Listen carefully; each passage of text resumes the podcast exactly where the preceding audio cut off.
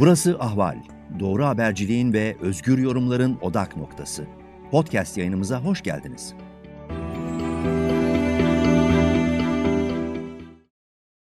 Herkese merhabalar. Yeni bir Yankılar programıyla karşınızdayım. Bugünkü konuğum Orta Doğu'nun deneyimli gazetecilerinden, Orta Doğu'yu yakından takip eden, Kürt meselesini yakından takip eden deneyimli gazeteci Fehim Işık. Sayın Işık, yanımıza hoş geldiniz. Teşekkürler, sağ olun. Sayın Işık, sizinle zaman zaman tabii Kürt meselesiyle ilgili, Orta Doğu'da, Irak, Suriye sahasında ilgili podcastler yapıyoruz. Tekrardan bölgede sıcak gelişmeler yaşanıyor. Özellikle son günlerde, son bir yıldır aslında e, KDP ile PKK arasında bir gerilim söz konusu ve geçtiğimiz günlerde bir çatışmanın sıcak bir çatışma yaşandığı söylendi ve kimi e, bazı peşmergenin hayatını kaybettiğiyle ilgili haberler yapıldı. Tabii kimi iddialar da var aslında burada peşmergenin e, siyahlar tarafından vurulduğu ile ilgili iddialar da var ama tabii bu iddialar henüz netlik kazanmış değil. E, isterseniz bu sıcak gelişmeyle başlayalım. Size gelen bu konuda bilgiler var mı? Ya bu konuyla ilgili e, 5 e, Haziran sabahı e, sonuçta e, basına düşen haberleri biz de takip ettik. E, ilk etapta 4 daha sonra 5 Peşmerge'nin yaşamını yitirdiği ve e, 4 iken 5, 6, 7'ye kadar çıktı. 7 Peşmerge'nde yaralandığı söylendi. E, olayın hemen akabinde e, doğrusu basındaki ilk bilgilerde hava saldırısı olduğu yönündeydi. Yani hem e, KDP'ye yakın kaynaklar, e, basın kurumları hem PKK'ye yakın kaynaklar ve basın kurumları e, bölgede e, Mekke kamplarına dönük hava saldırısı oldu. Bu hava saldırısı sırasında e, peşmergelerin de bir aracın hedef alınarak e, yaşamlarını yitirdiği yansıdı. E, bu Rudav'da, K24'te ya da işte e, Kürdistan Demokrat Partisi'nin merkez yayın organı olan Kürdistan TV'de e, haberi bu şekilde verdi. Sosyal medyada da haber bu şekilde yayınlandı. Ama e, kısa bir müddet sonra e, serbest tezgin e, KDP'li ve Peşmerge Bakan Yardımcısı o ise e, bir açıklamayla e, bölgede peşmergelerin PKK tarafından hedef alındığını, bir çatışma yaşandığını o çatışmada iki PKK'linin yaşamını yitirdiğini, beş peşmergenin yaşamını yitirdiğini e, söyleyerek e, yeni bir bilgi e, servis etti basına. E, bu tabii e, doğrusu e, teyit edilen bir bilgi değildi taraflarca. Sadece e, serbest lezgin yaptığı bir açıklamaydı. Ben şahsen bu açıklamaya şüpheyle yaklaştım. Çünkü hatırlarsanız benzer bir durum Rojava sınırında da çatışma yaşandığına dair kasede güçleriyle e, peşmerge güçleri arasında e, yine serbest lezgin tarafından e, belirtilmişti. Sabahın köründe yine basına servis edilmişti. Ama kısa süre sonra kasede kaynakları, YPG, YPC kaynakları ve bizzat bölgedeki peşmergeler e, durumun serbest lezginin dediği gibi olmadığını açıkladılar ve Mazlum Abdi'nin açıklamasıyla devreye girmesiyle de e, orada bir provokasyon yaşandığını aslında bir çatışma olmadığını ve e, tarafların görüşerek sorunu çözdüklerini e, basında açıkladılar. Yani yaşamını yitiren kimse de olmamıştı. Şimdi bu deneyim nedeniyle de ben bu açıklamaya temkinli yaklaştım. E, ama bölge e, biliyoruz ki askeri bir bölge. Yani sonuç itibariyle bölgede askeri güçler de çok iç içe girmiş. E, Pekke'ye dönük uzun zamandır devam eden e, hava saldırıları var. O bölgede çok yoğun çatışmalar yaşanıyor. O çatışmalarla ilgili sıcak bilgileri her gün alıyoruz. E, sabah saatlerinde saat 4 civarında 5 Haziran'da e, 50'ye yakın askeri araçtan oluşan bir e, KDP özel birlikleri konvoyunun o bölgeye doğru Metina'da o çatışma yaşandığı iddia edilen ya da işte e, sıcak e, saldırıların olduğu bölgeye ilerleyen KDP konvoyun olduğu söylendi. E, bunlar e, iç içe geçmiş bu askeri güçlerin e, varlığı başlı başına bir risk. Zaten e, daha sonradan e, kaynakların dışında bizzat tarafların yaptığı açıklamalar da e, söz konusu durumun aynen belirtildiği gibi olduğunu gösteriyor. Yani e, HPG kaynakları, bizzat HPG BİM'in basın hizmet merkezinin kendisi e, o bölgeye dönük, e, PKK kamplarına dönük bir e, KDP özel güç e, birliğinin hareket ettiğini, e, bu güce karşı havaya uyarı ateşi açtıklarını ve e, hiçbir şekilde ağır silah kullanmadıklarını ve o aracın nasıl vurulduğunu bilmediklerini söylediler.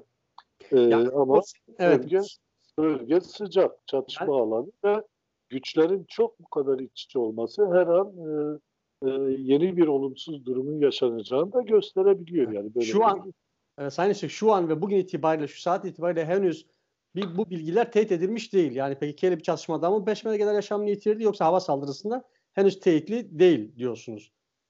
Yani e, çoğunlukla gelen bilgiler e, peşmergelerin bulunduğu aracın e, PKK tarafından vurulmadığı yönünde. Belki bu yönüyle aslında teyitli bilgiler var diyebiliriz. Niye? Tek kaynaktan olduğu zaman belki teyit etmek mümkün olmayabilir. Yani PKK kalkıp biz vurmadık dediğinde bunu teyit olarak varsaymayabiliriz. Ama bizzat yaralanan e, peşmergenin kendisi hayır o bölgede bir çatışma yaşanmadı diyor. Yani yaralanan yedi peşmergeden biri ve bunu e, e, KDP yakınlığıyla bilinen e, bölgenin e, televizyonu Rudaf TV'de açıklıyor. E, hakeza yine e, yaşamını yitirenlerin e, cenaze törenlerinde konuşanlar var e, televizyonlara. O yakınları da e, bu çatışmalar e, yani böylesi bir çatışmada e, peşmergeler yaşamını yitirmedi. Bölgeye dönük hava saldırıları vardı ve e, o hava saldırıları sonrasında e, yaşamını e, yitirdi peşmergeler diyorlar yakınları. Yine bunu e, PKK'ye yakın ya da PKK e, merkezli e, basın kurumlarına ya da işte e, basın birimlerine dönük e, bilgilerden değil. Yani bizzat e, KDP'ye yakın ya da Güney Kürdistan medyasındaki e, e, açıklamalardan biliyoruz. Yani benzer çokça açıklama var. Şimdi tüm bunları yan yana getirince e, doğrusu e, bu yönüyle şunu söylemek mümkün. Orada bir çatışma yaşanmamış ama orada e, Türk devleti mi vurdu? Yoksa e, o bölgeye giren e, peşmergeler askeri bir alana giriyorlar. 20-25 yıldır e, sivil insanların girmediği ve dolayısıyla o askeri alana döşenmiş e, mayınlar var. O mayınlara da e, basarak ortaya böyle bir sonuç çıkmış olabilir. Ama en nihayetinde o bölge askeri. Bu askeri bölgeye dönük de e, böylesine bir tablo var karşımızda. Peki, evet, bu, bu, bu belirsizlik e, birdenbire peki e, KDP gerilimine neden olduğu söyleniyor ve yeni bir savaş siz de e, son yazınızda buna değinmişsiniz. Yani Kürtler yeniden bir e, ya peki KDP savaşı çıkabilir mi? Bu, bu Peşmerge Bakanlığı da belirsiz bilgilere rağmen böyle bir açıklama yapıyorsa orada bir karşı karşıya gelme, sıcak çatışmalar yaşanma riski yüksek mi? Ya belki e, asıl nedeni bu sorduğunuz sorunun altında aramak lazım. Yani e, bu tabloyu ciddiye almak lazım. Çünkü e, Türkiye özellikle e, 23 Nisan'dan bu yana e, sürdürdüğü Medina, Zap, Avaşin e, bölgesinde e, arzuladığı sonuçlara ulaşamadı. Kısa sürede o bölgenin tamamını e, kontrol altına alıp e, Tekke'yi o bölgeden çıkaracağını tasarlıyordu Türkiye. E, bir öncesinde de Gare'de e, benzer bir girişimi oldu yani. E, Gare'de de istediği sonuca ulaşamadı ve kısa süre içerisinde Gare'de e, esir askerleri e, kimyasal silahlarla öldürdükten sonra esir askerlerin korumasını üstlenen e, gerillalar da e, o kimyasal saldırıda yaşamını yitirdiği açıklandı o bölgeyi de kısa sürede terk etmek zorunda kaldı. Şimdi Türkiye zorlanınca o bölgeye sadece hava saldırılarıyla hakim olamayacağını anlayınca kanım o ki e, o bölgede KDP ile ya da KDP'ye bağlı e, güçlerle e, PKK'yi bir şekliyle zorda bırakıp oradan e, geri çekilmeye ya da o bölgeyi KDP güçlerine e, terk etmeye dönük bir yaklaşım sergilendi. Yani bu bir e, konsept olarak açığa çıktı. Yoksa 20-25 yıldır hiçbir şekilde e, peşmergenin uğramadığı tek sivil alanın olmadığı o Metina bölgesini de e, biliyorum. Yani gazetecilik yaptığım dönemlerde birçok kez o alanlara röportaj ve söyleşiler için gitmişim. E, o bölgelerde e, tek bir sivil alan yok. O bölgeye yeniden e, KDP'nin girmesi bir şekliyle e, işte Türk devletini eylemleriyle zorlayan, e, bir türlü tüm saldırılara e, rağmen bölgeden çıkmayan e, HPG'yi kuşatıp orada geri çekilmeye mecbur bırakmaktı. Şimdi bu konsept e, böylesi bir tablo ortaya çıkarınca haliyle mesela e, PKK e, kanadından gelen açıklamalardan birinde dikkat çekici bir belirleme var. Yani Mustafa Karasu e, şöyle diyor e, bu konuyla ilgili açıklamasında. Yani orada peşmerge ile gerilla arasında bir çatışma yaşanmamış olsa bile zaten böylesi bir alana KDP'nin askeri güç olarak ilerlemesi e, başlı başına çatışmadır. Yani orada karşılıklı silahlar sıkılmasa bile bu çatışmayı tetikleyen, provoke eden bir durumdur. Yani gerilla evet. ne yapacak? Geri mi çekilecek? Gerilla orayı boş mu bırakacak? Gerilla Türk devletine gel bizi öldür mü diyecek? Yani evet. bu zemini yaratan KDP'dir ve dolayısıyla bunun değişmesi, dönüşmesi lazım. O zaman Sayın Işık, direkt sorayım o zaman Türkiye bir KDP PKK çatışması mı çıkartmak istiyor? E, bu uzun zamandır planladığı, yapmak istediği bir şey ama başarılı olamadığı bir şey. Yani bu Zineverte'de denendi. Zineverte'de de benzer bir e, durum yaşandı. Yine herkese bugün çatışmaların yaşandığı, e, işte o Türk devletinin e, bir şekliyle ağır bombardımanlarla vurduğu e, Ahmediye bölgesinde e, bir kontrol noktasında e, PKK'liler ile PPG gerillaları ile peşmergeler arasında bir e, çatışma yaşandı. Orada arabayı durdurup kontrol etme, izin verme vermeme durumunda ki taraflar bunu kabul etti. Orada yaşamını yitirenler de oldu. Yani bunlar çok kez denendi. E, şimdiye kadar başarılı olmadı ama bu belli ki e, daha büyük bir provokasyon, daha büyük bir e, e, gerçekten iki tarafı karşı karşıya getirip çatıştırma ile ilgili e, etkin bir girişim. Yani e, bu nasıl savuşturulur, gerçekten bunun üstesinden nasıl gelinir bu konuyla ilgili e, henüz insanlar tam olarak bir şey diyemiyor. Çok diken üstünde bir durumdan söz ediyoruz. Yani öyle ki e, çok iç içe girmiş güçler var. E, yani e, Türk devleti diyelim ki o peşmergelerin aracını uçakla vurmamışsa bile o bölgedeki bir mayına patlamış bir araç durumu söz konusuysa bile sonuçta o alanda ilerleyen bir başka peşmerge birliği başka bir mayına da basabilir. Ya da e, haliyle karşı karşıya gelir güçler e, çok yakın tekkede, peşmergede, kadefe peşmergeleri de çok yakın birbirine. Çok daha ağır çatışmalar çıkabilir ki bu önü alınamaz bir durumdur. Yani e, dört bir insanın yaşamı... Böyle bir risk var mı? Yani bir risk büyük mü? Yani iki gücün e, çatışması bölgedeki gelişmelere baktığınızda siz nasıl görüyorsunuz? Yani şunu söyleyeyim özellikle bu yaşanan çatış e, tablodan sonra çatışma denilen peşmergelerin e, yaşamını yitirdiği tablodan sonra ortaya çıkan tepkilere baktığımda doğrusu ben e, Kürtlerin çok rahat bir şekilde Türk devletinin elini rahatlatacak, bir çatışmaya girmeye cesaret edemeyeceklerini söyleyebilirim. Yani Örneğin KDP e, böylesi bir tabloda e, Türk devletiyle birlikte orada e, Pekler'in e, etrafını sarıp Türk askerleriyle birlikte çatışmaya girebilecek bir tabloya yönelemez. Niye? Sonuçta e, Kürdistan'ın diğer partilerinden e, her iki tarafa da ama esasen Türk devletine, e, Türk devletinin oraya dönük işgal saldırılarına ilişkin e, etkin e, söylemler geldi. Yani Irak Cumhurbaşkanı ki kendisi bir Kürt, e, Behram Salih Türk devletinin işgal saldırılarını e, e, bir şekliyle mahkum etti. Yani e, sonuç itibariyle e, peşmergeye dönük saldırıdan PKK'yı sorumlu tutsa da e, asıl nedenin orada e, Türk devletinin işgal saldırıları olduğunu söyledi.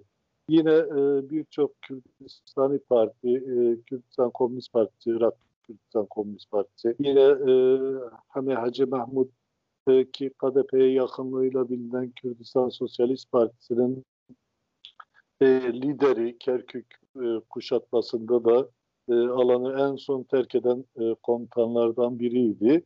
O da e, sonuç itibariyle Pekken'in oradaki varlığının meşru olduğunu ve e, orada Türk Devleti'nin saldırgan tutumunun bu e, tabloya neden olduğunu açıkladı. E, yine Yeneke'nin başka yöneticilerinden, Kürdistan Yurtseverler Birliği'nin başka yöneticilerinden, e, Goran Hareketi'nden veya diğerlerinden çok etkili olmasa da yani istenilen düzeyde olmasa da açıklamalar geldi. Bu haliyle e, tarafları özellikle de e, Türk askerleriyle birlikte oraya e, gidip PKK'yı bir şekliyle sarmalamaya çalışan özel askeri güçleri etkiler. Yani bu nedenle çok kısa sürede e, bir çatışma riski e, var. Yani çatışma riski her zaman var ama çok sıcak bir çatışmaya girilir, uzun vadeli bir çatışma başlar diye doğrusu aklıma getirmek bile istemiyorum böyle tabloyu ama şu da bir gerçek. Ee, yani 94'te 94'te KDP ile YNK çatışması Ranya'da KDP'li ve YNK'li iki komşunun bir duvar meselesi yüzünden çatışmasıyla başladı ve kısa sürede Güney Kürdistan'ın dört bir yanına yayıldı ve 6. ay tamamlandığında çatışmanın 4000 peşmerge yaşamını yitirmişti. Yani Kürtler o tabloyu yaşamış e, bir toplum olarak yeniden böyle bir çatışmaya fırsat vermemeli. Ama en başta da e, özellikle e, PKK ve KDP e, bu konuda gerçekten e, daha sağduyulu adımlar atmanın, e, diyalog geliştirmenin yol ve yöntemlerini aramalı. Yani şöyle diyeyim, bu e, haberden önce, bu son 5 Haziran'da yaşanan e, riskli durumdan hemen önce gelen bilgilerde zaman zaman dolaylı, zaman zaman alt birimlerde e, PKK ile KDP arasında e, diyalog yaşandığı yönündeydi. Yani ama e, her ne hikmetse e, o diyalog yaşanan süreçte bile böylesi bir tablo ortaya çıktı. E, istenmeyen bir tablo yani onu da belirtmekte yarar var. Şu anda PKK ile KDP arasında bir diyalog, e, bir görüşme var mı? Size gelen bu konuda bilgiler var mı? Yani ben e, bu konuda bir bilgi sahibi değilim doğrusu. E, KDP ile PKK arasında e,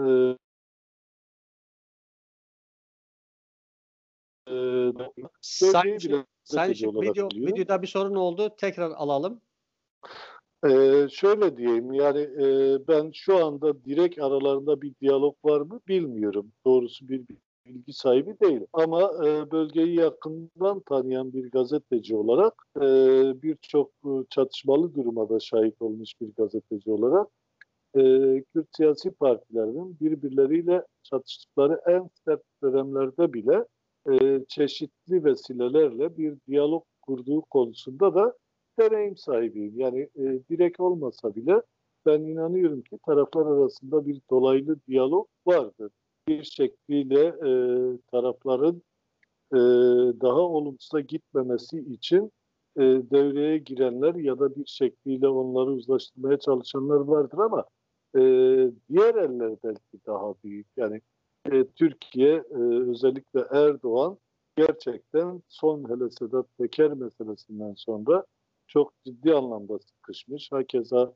önümüzdeki günlerde e, NATO ile de e, görüşmeler var. Biden'la da görüşmeler var. E, tümüyle neredeyse kavgalı. Rusya ile ABD çelişkilerinden yararlanıyordu. Çok ciddi bir e, sıkışmışlık içerisinde.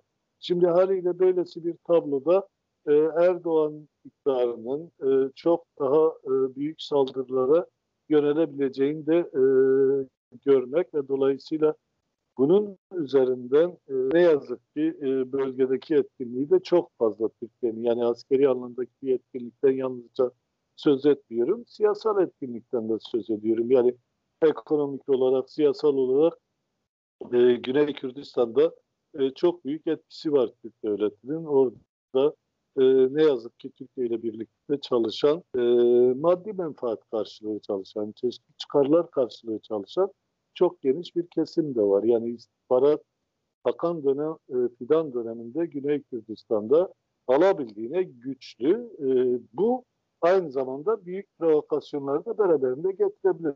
Yani Hakan Fidan e, Orta Doğu'da deneyimlidir. E, Suriye'de birkaç e, füze attırır, istediğimizi yaparız diye e, bir e, zihniyetin e, ortaya çıkardığı sonuçtan söz ediyorum. Yani orada da benzer şeyler olabilir. Yarınki gün KDP'li üst düzey birine bir suikast yapılıp bundan PKK'yı sorumlu kılabilirler. Ya da işte e, birçok suikast yapılıyor PKK'nın üst düzey yöneticilerine Güney Kürdistan'da. E, bunlar e, sonuç itibariyle o bölgede yeni provokasyonları beraberinde getirebilir. Yani Erdoğan kendi elini güçlendirmek için böyle bir e, en azından iç kamuoyunda da güçlenmek için e, PKK'ye dönük bir başarı e, hikayesinin ardında sığınmak istiyor. E, bunu yapamayınca da provokasyonlara başvurabilir. Yani o el, o her zaman onun rezervinde olan bir şey. Fakat dediğim gibi Kürtler e, akıllı davranırsa gerçekten bu provokasyonları e, çok rahat atlatabilirler. Yani özetle diyorsunuz Türk devleti bölgede bir e, PKK KDP çalışması çıkartmak için bölgeye de daha büyük provokasyonlara uygun bir bölge ve bu yapılabilir diyorsunuz. Böyle bir tehlike var bölgede. Aynen öyle yani şu anlamda değerlendirerek diyorum yani sonuç itibariyle e, kimin eli kimin cebinde değil meselesi e, bugün bölgede bazı güçler açısından e, çok belirgin bir şekilde kendini gösteriyor. Yani bir de e, bazı siyasal partilerin özellikle e, KDP'ye yakın e, NKS içerisinde yer alan Rojavalı siyasi partiler ya da işte birçok e, KDP'li kadronun Türkiye ile büyük ticari ilişkiler geliştirmesi. Çünkü yalnız siyaset yapıyorlar. Aynı zamanda kendi şahsi şirketleri üzerinden de büyük ticaretler yapıyorlar. Yani Berat Albayrak'ın e, Wikileaks belgelerinde bunların hepsi yazıldı. Yeniden yeniden söylemeye gerek yok. Halkbank ilişkileri, milyon dolarlık paralar vesaire filan. E, bu aynı zamanda Türkiye'nin orada e, provokasyon zeminini de güçlendiren e, olanaklar Türkiye açısından. E, Erdoğan da e, çok zor durumda. E, artık tüm pislikleri e, sokağa saçılmış durumda. E, hakeza bunları e, yaparken kendine ortak edindiği, milliyeti ne olursa olsun fark etmez. E, Kürt'te, Türk'te, Arap'ta değişik milliyetlerden, inançlardan insanlar da var. Bunları birlikte değerlendirerek kendi bekaları için çok daha büyük savaşlara da imza atabilirler. Yani bunu yapma olanakla koşulları var. İşte bunu aşmanın yolunu zorlamak lazım. Yoksa onlar zaten buna uğraşıyor. Yani yoksa yapamadıkları için şimdiye kadar başaramadıkları için bu olmadı. Ama e, yarın başaramazlar diye de bir şey diyemiyoruz. Peki. Sen şimdi bu da son soru olsun. Kısaca özet olarak bu alanda taraflara ne düşüyor ve Kürt kamuoyuna ne düşüyor? Ya ben e, tarafların her şeye rağmen bir e, çatışma pozisyonunun yani fiili bir çatışmaya girmemesi önemli ama e, tarafları etkileyecek olanlar e, Kürdistan ve diğer siyasi partiler, diğer taraftan Kürdistan'ın farklı parçalarında yaşayan Rojava'dan e, Doğu Kürdistan'a, işte Türkiye'den ve Kuzey Kürdistan'dan e, yine e, Irak Kürdistan'daki diğer e, şahsiyetlere, aydınlara, sanatçılara, gazetecilere ve yine tabii özellikle Avrupa'daki e, e, etkili e, kesimlere yani bu e, kişi de olabilir, bu kurum da olabilir. E, doğrusu büyük görevler düştü inancındayım. Yani e, şunu izah etmek zorundayız artık. E, KDP ile PKK arasında olası bir çatışma tüm Kürtlerin zararınadır. Bir ve en önemlisi de Türkler, Kürtlerin tüm kazanımlarını ortadan kaldırır. Bakın yıllardır saldırıyorlar.